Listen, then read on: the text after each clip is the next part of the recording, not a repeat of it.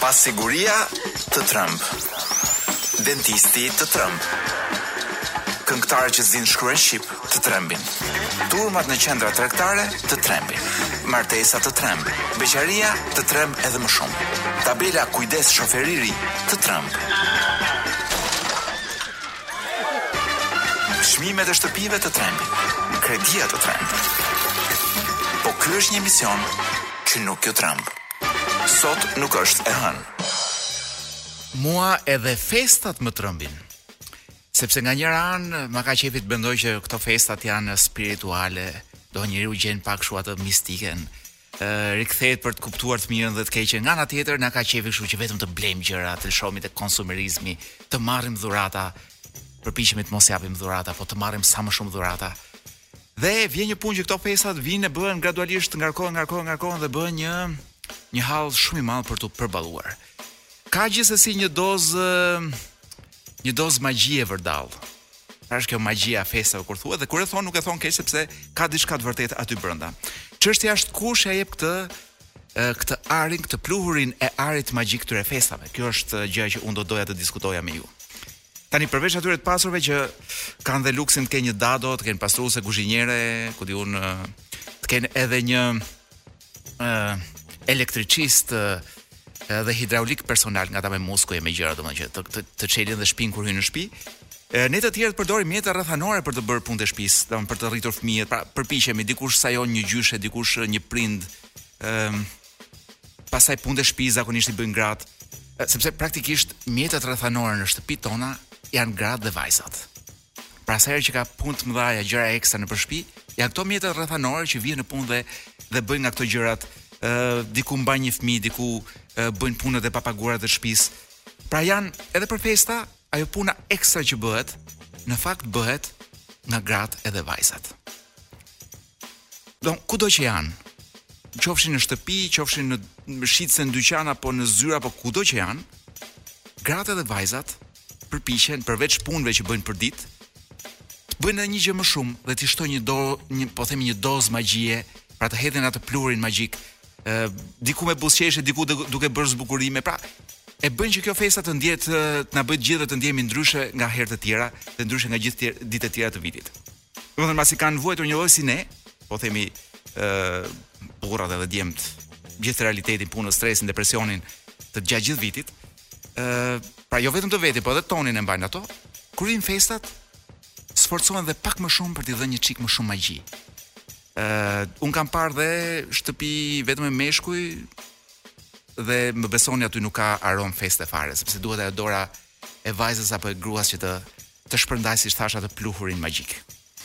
Tani se ku e gjejnë gjithë këtë energji që edhe duhet gatuajnë për vitin e ri se mblidhet familja, duhet të kënaqen të gjithë.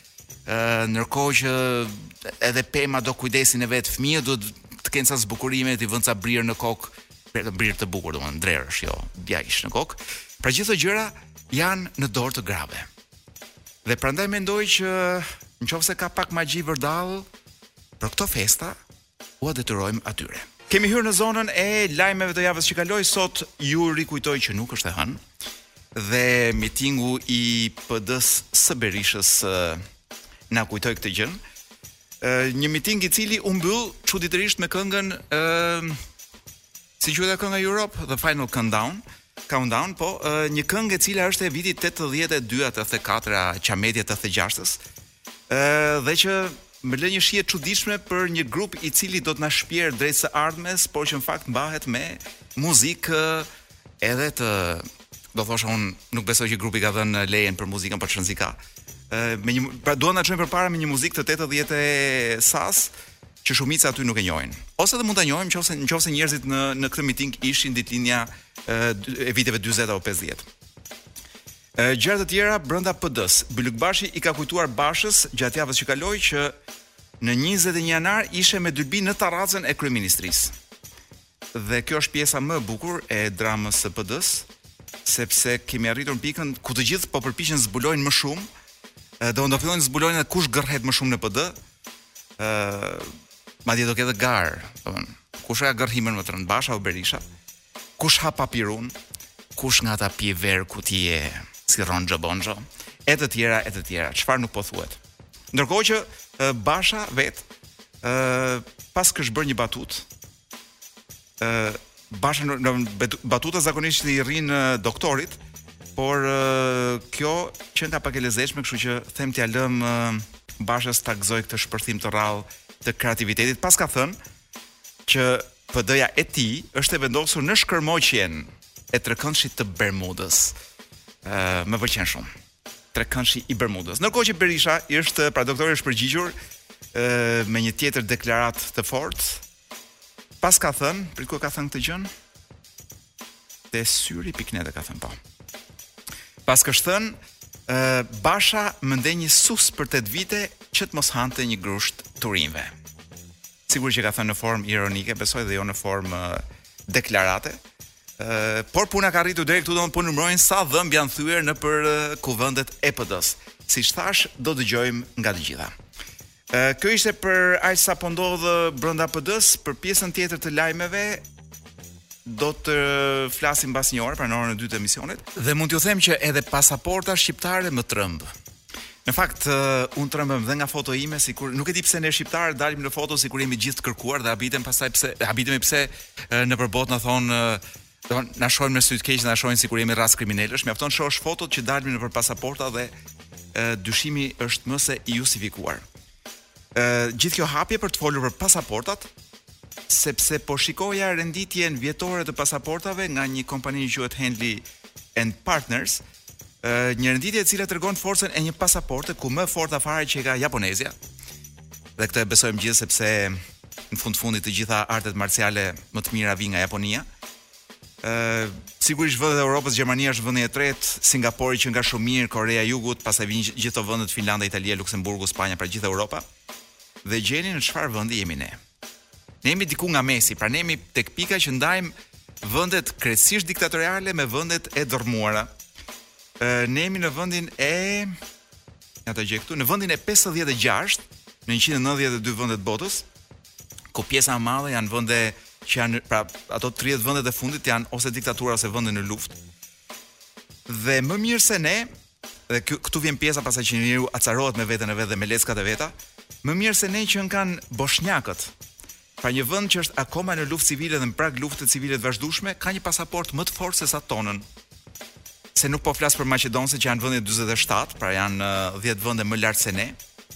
Madje edhe një seri vendesh ish diktatoriale dhe vende droge, dhe habitem pse nuk ngjitemi dot ne, pse nuk bëhemi dot bashkë me vendet e tjera të drogës si Kolumbia, ku di unë, Panamaja janë të gjitha shumë më mirë se sa ne, deri dhe Venezuela, një vend në një krizë totale ekonomike është ka një pasaportë shumë më mirë, më të mirë se sa jona sepse ata shkojnë në 129 vende pa vizë. Shqipëria në 113 vende. Ama ne jemi shtrënguar mirë me këtë grupin e vendeve arabe, Jemi kur thuhet se mund ta DJ Wiz do më lesh ta them shqip po jemi byth me byth me Kuvajtin. Ë uh, jemi me Turqinë aty, domethënë qafë për qafë. Ë uh, afër Uzbekistanit deri edhe Timor Leste që është një vend me aq sa di unë domethënë um, Timor Lindor është një vend ë uh, i dhunshëm është ngjitur me neve për sa i përket forcës së pasaportës. kush na merr tjetër Serbia po e po domethënë është gati 20 vende më lart se ne. Edhe Kiribati me të cilin DJ Wizi edhe mund të tallej nga emri i tij, po edhe Kiribati, pra po të kesh një pasaport Kiribati Wiz, do bredhësh botën shumë më mirë edhe shumë më i respektuar se sa me një pasaport shqiptare. Dhe e gjitha kjo pse ndodh do thoni ju? E gjitha kjo ndodh sepse Këtu uh, ideja pra në këtë vend tonin dhe në këto qeveri tona, ideja një politike të jashtme konsistente, të qëndrueshme dhe të vazhdueshme nuk ekziston. Uh, Ministritë e jashtme janë zakonisht vende qokash për të çuar uh, kalamaj, nipër, mbesa. Kujtohet dikush njëra që çonte kalamajt, të cilët përdornin uh, makinat e ambasadës për të bredhur. Madje kërkonin dhe eskort policie që kalamajt e kësaj të bridhnin, si me thënë, nëpër Paris të bridhnin kështu lirshëm, se i shqetësonte një çik trafiku i Parisit. Ama, ka dhe një mënyrë tjetër dhe këtu hyjmë në një po themi në një reklamë të hapur, jo të fshetë, ka dhe një mënyrë tjetër për të bredhur botën edhe me pasaportë shqiptare dhe për ta bredhur shumë.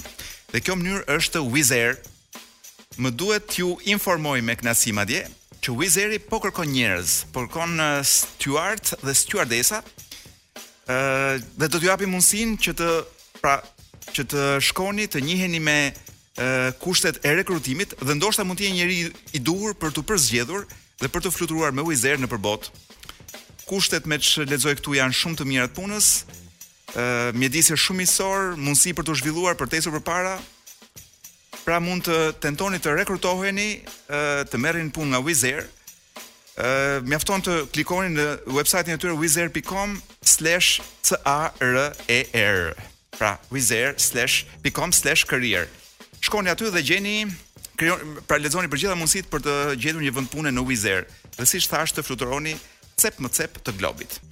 Sot nuk është e hënë dhe sot nuk është as dita që lexojmë libra. Ha ha ha. Kam në dorë librin dhe për gjithë ju që kaluat me stërmundim përtej bllokut të reklamave, do t'ju qeras me një gjë të bukur, është e, një pjesë rrëfenjëze nga libri Fajin ma ka gjuha i Virgjil Muçit. Është i botuar, është i botuar sefte, pra është një botim i këtij viti, i 2021-shit, Dhe është një botim ja ta hap këtu, i shtëpisë botuese A Editions, e cila publikon shumë gjëra simpatike. Gjëja e veçantë e librit të Virgjil Muçit, Fajin ma ka gjyshja, është se ky është një është një mix pra Virgjili këtu dhe me thënë të drejtën dhe po ta shohësh dhe për pamje, por edhe për pamje, po edhe në këtë libër që ka shkruar është si një mix mes gjyshes sime të ndjerë edhe Stephen Kingut, mjeshtrit të librave horror. Domethënë, gjëja që ka bërë Virgjili është me një lloj butësie gjuhe, ë ka prodhuar vepra që do rrëfenja që janë fantastike janë vijnë pak si përralla, po kanë shumë thriller brenda dhe kanë edhe nganjëherë vend e vend ka një twist, ka një kthim të ngjarjes ë uh, ala Stephen King. Ë uh, unë e kam mbajtur me shënim me një me një qeskë çaj, vendin që dua t'ju lexoj sot, është uh, titullohet Konka e Bardhë, kjo rrëfenjë e Virgjil Muçit. DJ Wiz më ka dhënë vetëm 1 minutë kohë për të lexuar, të kështu që duhet të lexoj me një lloj shpejtësie. Kjo edhe lexoj pjesë nga libri. Kjo që thoni ju, na qe një çupkë me një cipë si mermer, leshverdhë e syçka të kaltra. Me një fjongo trëndafili, siç qenë ngjyrë trëndafili, petkat e trupit dhe këpuckat e këmbës, çka e bënin të ngjante me një engjëll të zbritur nga një bashkë reje që gabimisht ka përfunduar në tokë. Me dy fjalë, mirësia e qashtërsia vetë. Për fat keq vashëza me vashëza me petka trëndafili na zhduket shpejt nga sytë. Madje të njëjtën ditë që shfaqet. Edhe sikur rrethanat të qenë paksa më ndryshe, s'do të mësonim gjë për fatin e saj. Ndaj pa u ngutur le të ndjekim rrjedhën e ngjarjeve dhe të kallëzojmë fije për pe atë çka dimë. Vashëza merr tinëz dhjetë solda nga kuleta së ëmës dhe përvjedhtazi del nga shtëpia pa i rënë kujt në sy. Më pas e shohim të shkojë me ngut rrugës sikur druhet mos e shohë njeri, si dhe të hyjë në dyqanin e mishit, po në atë dyqan ku kanë qenë më parë e motra dhe e ëma. Ajo ble një kilogram mish, i numëron paratë një më një kasapit dhe del nga dyqani. Mu te dera, shihni kush na shfaqet rishtazi? Atë e pret Konka e bardhë, e cila ndryshe nga herë të tjera nuk turret t'ia rrëmbejë nga dora thelën e mishit, por kthehet dhe i heq udhën. Konka para, vajza pas. Vajza ndjek pa folur e pa bërë asnjë gjest. Kur i sheh tek ecin ashtu pranë e pranë të lind përshtypja se janë dy të njohura të vjetra, Kjo ndësi, ndjesi përforcohet edhe nga fjongot e ngjashme ngjyrë trëndafili që mbajnë të dyja në qafë. Ashtu siç përforcohet që ç'ke me të, kur e sheh vajzën të përkulet herë pas here, ta përkëdhelë konkën e të luajnë të dyja bashkë. Kërshëria të shtyn t'i ndjekësh për të marrë vesh se për ku janë nisur e për ku do të shkojnë. Ndonëse një parandjenjë të ndjek hap pas hapi dhe në fund vë re se parandjenja nuk të paska tradhtuar.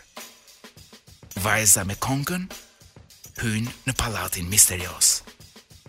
Fill pas tyre, porta mbyllet me rrapëllimë shurdhuese dhe ato na zhduken nga sytë.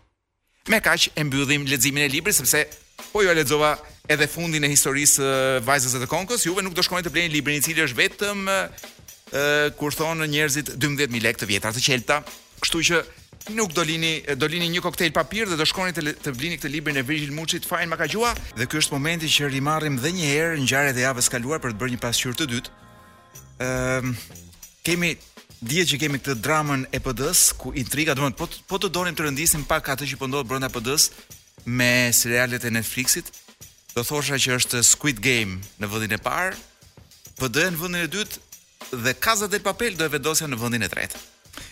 Dhe ndërkohë që ndodh kjo kacafytje në PD, thagma të shumta ndodhin vërdall, por eh, vëmendja jonë është, domethënë kaq tru ka, domethënë kaq hapësirë ka brenda trurit të një shqiptari për PD-n, domethënë Berishën edhe për Big Brotherin. Kaq, nuk ka vend për ngjarje të tjera. Dhe kanë kaluar pothuajse pa ndonjë debat shumë të madh, ë eh, disa arrestime, kemi arrestimin e ish-prokurorit, zotit Llalla në Itali, ç't'u them, për ju që s'keni marrë dhurata për këtë fund viti, ndoshta mund të gëzoni me këtë lajm, gjërat mund të shkonin dhe më keq. Ë është arrestuar dhe ish një ish ministër ë zoti Koka. Dhe unë në këtë rast shpresoj që lirimi i tij ku di unë mos bëhet në datën 8 janar për shembull se kam kam lënë një punë dhe kam frikë që nuk do ndjek dot live në TV. Ëh dhe përpos këtyre arrestimeve është shprehur dhe kryeministri që ka thënë nuk më bën përshtypje. Ndoshta ky priste që këto arrestime të ishin me ndjekje, ë ku di unë makinat e policisë që ndjekin makinën e Zotit Koka nëpër rrugën e kombit, era TV-ja që jep pamje ekskluzive me helikopter, helikopteri sigurisht që është vullnetar, nuk paguhet nga njeri. Çfarë kemi pasur tjetër? Po shoh që një pjesë e madhe e lajmeve kanë për protagonist kryeministrin, kështu që po i shmang. Ë tjetër ti, ah. Paskemi pasur edhe një tjetër ngjarje të kronikës që është për të qeshur më shumë se sa për të qarë, dy persona kanë vjedhur postën në Babrru. Le të themi që këtu nuk ka ndonjë lloj të madh kreativiteti, por kreativiteti qëndron tek fakti që janë larguar me biçikletë. Pra, në Shqipëri ti mund ta vjedhësh postën, unë nuk e dija që posta paska gjëra për të vjedhur. Shpresoj të mos kenë vjedhur pulla poste. Jo, kanë vjedhur 200.000 lekë të reja dhe janë larguar me biçikleta hajdutët. Pra, një vend i cili e, kur ka një një qeveri e cila Kur vjen puna për të sulmuar teatrin dhe mbrojtësit e teatrit zbarkon gjithë armatimin dhe gjithë forca deri edhe Renean për të sulmuar dhe për të arrestuar ata që flinin, aktorët që flinin te teatri, ë uh, hajdutët ama u ikin me biçikleta dhe kjo qeveri nuk i kap dot. Pra, e gjithë forca e saj përqendrohet aty ku nuk ka nevojë për forcë, Ndërkohë që pallarriu në gjithë pjesën tjetër të shtetit. Shumë simpatik, shumë simpati për këta që largohen me biçikletë, edhe ekologjikë ndër të tjera. Hajdutë, por të pastër. Dhe jo të pastër nga brenda, se nga brenda mund të jenë dhe të zi, por të pastër nga jashtë, nga ambienti ku jetojnë dhe të cilin duan ta mirëmbajnë. Ky ishte Faber, kënga titullohet Vivaldi dhe gjë që më tërheq te ky këngëtari është titulli i albumit Titulli i albumit në anglisht është I fucking love my life. Pra nuk kam parë, don rrallë më qëllon njerëz të cilët janë kaq të lumtur me jetën që bëjnë, sepse dhe ju e dini shumë mirë jemi të rrethuar nga njerëz që vetëm ankohen. Dhe shumica e tyre me të drejtë. Tani të rrimë pak tek një hall i madh mashkullor, është çështja e mjekrave. Çështja e mjekrave që na ka bërë të gjithë, domethënë nuk ka më dallim dikur kishte prifti mjekër, edhe ruajtja e mjekrës së priftit ishte një dramë e madhe. Ë tani unë mendoj që priftërinjtë e vetmja mënyrë për t'i dalluar nga të tjerët është që të rruhen dhe të bëhen qose. Është një studim realisht serioz në lidhje me mjekrën, edhe pse duket sikur është i panevojshëm, përderisa paska fituar edhe një çmim Ig Nobel. Çmimet Ig Nobel jepen më duket se në Harvard dhe jepen vit për vit. kryesisht për studime të cilat kanë ngrënë shumë energji, njerëz dhe para, por mund të mos jenë shumë, do le të themi me vlerë në jetën e përditshme. Gjithsesi, këta burrat që kanë bërë, dhe me sa pashë ishin të gjithë burra, pra që tregon që është një problem vërtet mashkullor. Ë paskan tentuar të kuptojnë se çfarë ndodh, pse jemi, domethënë ë ç'është kjo nevojë për të pasur mjekër dhe cilat mund të jenë motivet dhe pse edhe njerëzit që mezi rrisin dy qime domethënë në në në fytyrën e tyre po vdesin që ato dy qime t'i rrisin t'i fryjnë t'i t'i t'i bëjnë shkojnë edhe i lyejnë madje. Ë gjëja më e thjeshtë që të shkon mendja është që gratë pëlqejnë mjekrat. Pra kjo do ishte shpjegimi sepse burrat bëjnë shumë gjëra që u pëlqejnë grave ose vajzave. Por me sa duket nuk është ky rasti përderisa pjesa më e madhe e studimeve tregojnë që në përgjithësi gratë janë indiferente, ka që u pëlqen, ka që nuk u pëlqen, por nuk është kjo gjëja e rëndësishme që kërkojnë tek një burrë. Pra, nuk është mjekra, dhe te mjekra ato vijnë masi kanë parë çelësat e makinës që ai përdor. Aha, shaka seksiste. Ë Pra, çështja grave bie si si argument? Çështja tjetër, a thua burrat duan që të duken të fortë, mashkullorë, dominantë, agresivë? Ëm, domethënë, a është vallë kjo nevoja për t'u treguar sikur janë meshkuj të tipit alfa? A është dëshira për të ngjarë me çitën? Domethënë me me atë majmunin e Tarzanit, arsyeja pse burrat janë kaq të dhënë mas mjekrave të tyre? Me sa duket, edhe kjo nuk është një arsye ë nuk është një arsye bindëse.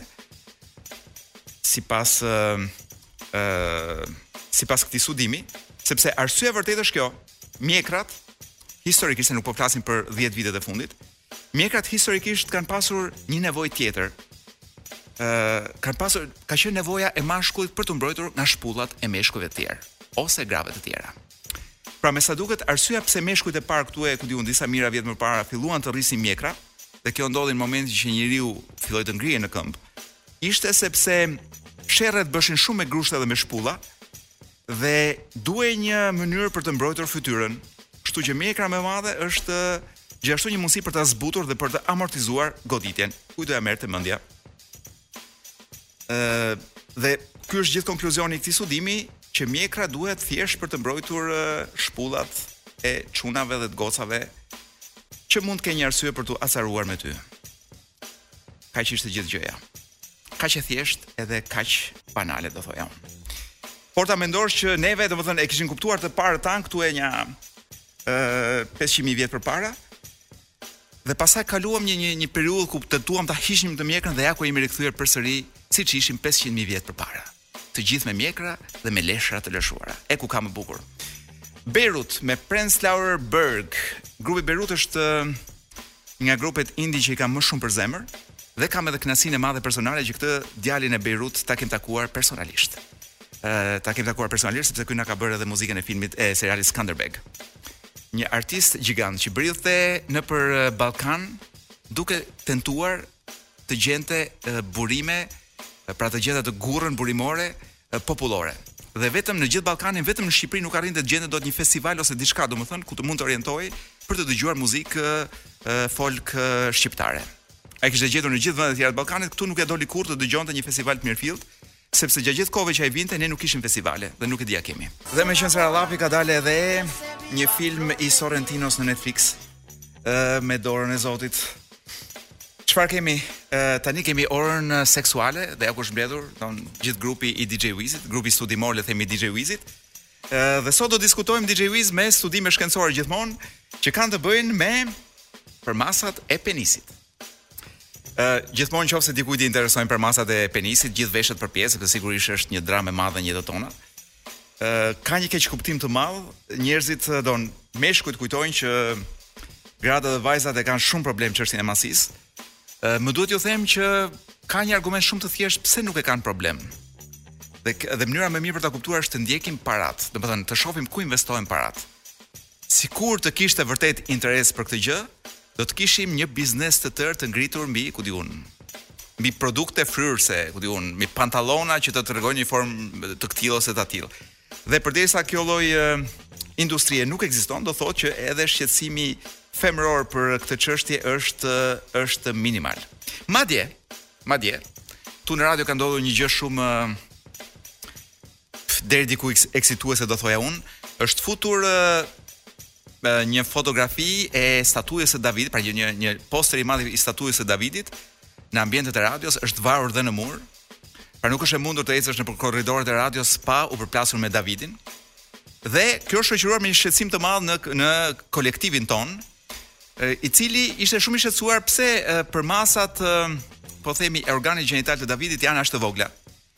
Dhe ja ku po ta them DJ Wiz sepse në atë kohë ishin vlerësoheshin shumë ata që e kishin organin gjenital të vogël. Pra grekët dhe romakët e lashtë vlerësonin përmasat e vogla. Pra nuk donin shqetësime ata. Nuk donin shfokusim dhe tërheqje vëmendje.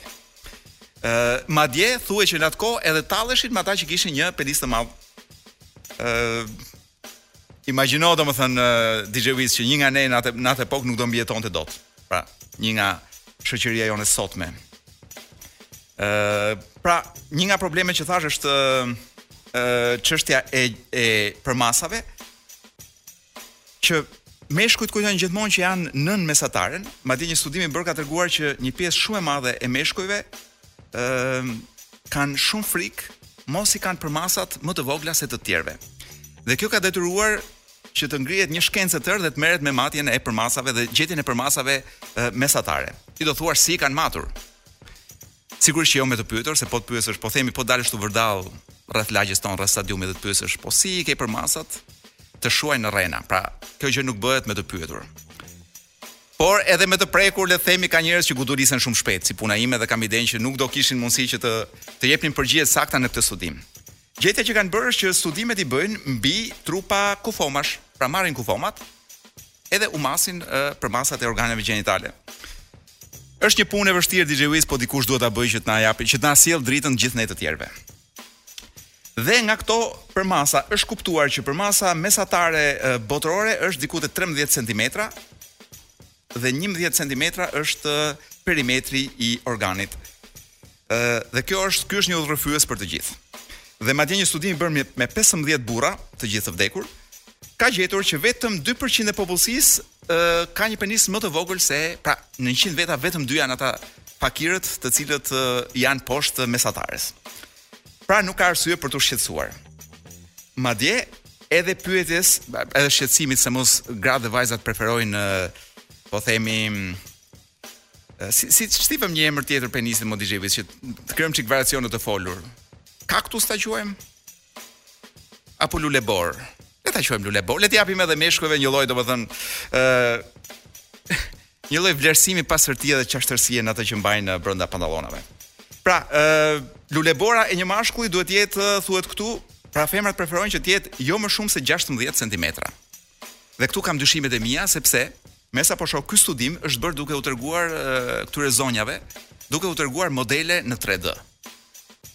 Por dije që modeli në 3D për mendimin tim domethënë është nuk është e gjitha, sepse dmth është shpata, po është dhe dora që tund shpatën. Pra ti nuk mund të studiosh shpatën dhe mos merresh me dorën që mban shpatën.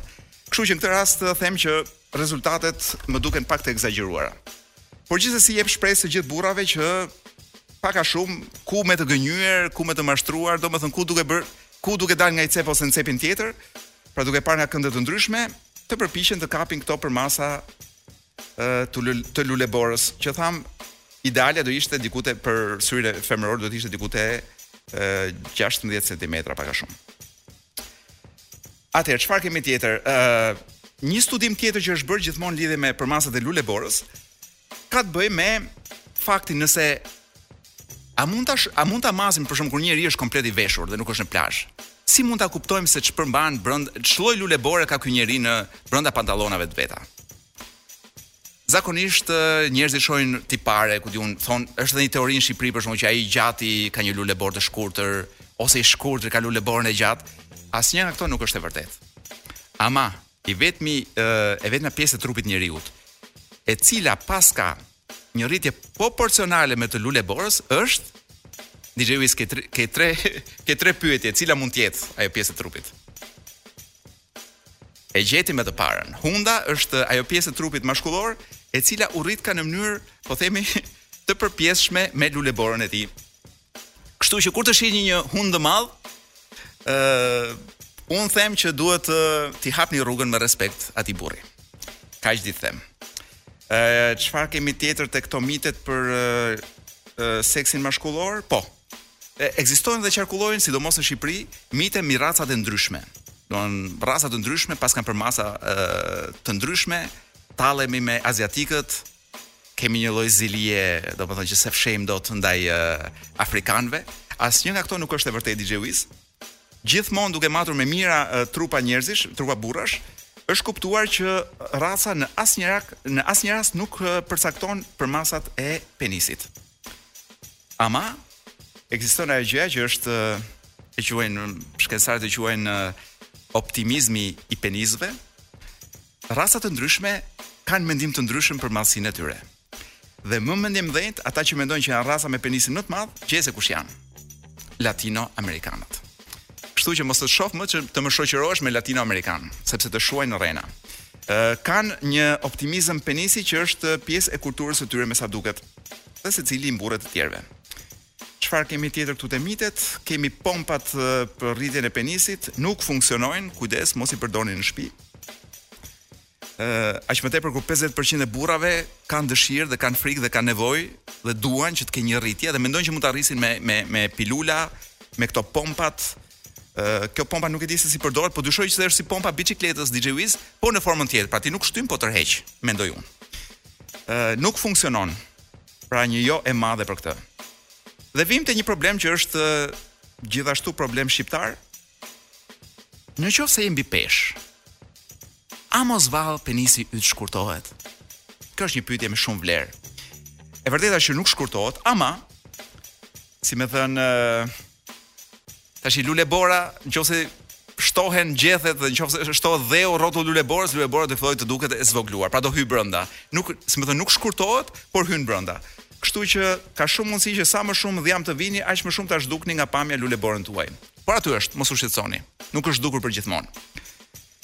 Ë dhe e fundit për ta mbyllur me orën e seksit, e vërteta është që duke mos bërë seks, penisi fillon dhe tkurret. Se më harron gjënë për cilën është bërë, dhe nuk kemi më atë luleborën e shëndetshme e cila sa i derdh pak ujë, sa sheh rrezet e diellit, ku diun, lulëzon dhe ngrihet, por kemi një luleborë të fishkur e cila harron misionin për cilin ka ardhur në jetë. Kaq për sa i përket orës së seksit, shpresoj t'ju kem ndriçuar në diçka në jetën tuaj. Boll patë hundët e njëri-tjetrit, kthehuni duke i dhënë makinës si njerëz të qetë dhe seriozë. Kënga që vjen tani është një këngë shumë e bukur. Është kënga ndoshta nga më të bukurat dhe më të ndjera që kam dëgjuar gjatë këtij viti pandemik. Dhe ky viti pandemik sigurisht që kishte shumë depresion brenda. Por kjo kënga ka një butësi, një mirësi edhe një dhembkë të vogël aty, Që në qoftë se ju dini anglisht dhe përqendroheni e ka të gjithën brenda tekstit. Sigurisht nuk do e dëgjoni tani, po mbas a do ta mbyllim me këtë. A mirë, do ta mbyllim me këtë këngën që është The Real. Jo, nuk do ta mbyllim me këtë këngën. Këtë këngën e bukur që thashë unë do ta dëgjoni javën që vjen. Do ta mbyllim me një këngë tjetër, Perché e Fausto Lealit. Dhe pse do ta mbyllim me këtë këngë? Do ta mbyllim sepse është e vetmja këngë që unë di që flet për vitin e ri. Domethënë kështu në rang global, po flet kështu me një me një lloj filozofik, me me një lloj filozofie brenda. Fausto Leali që pyet ka disa mijëra përse aty dhe tregon gjithë historinë e vitit që kur vjen e derisa ikën. E thellë kënga. Do ta hapim edhe javën që vjen me këtë këngë. Perché në Top Albania Radio nga Fausto Leali.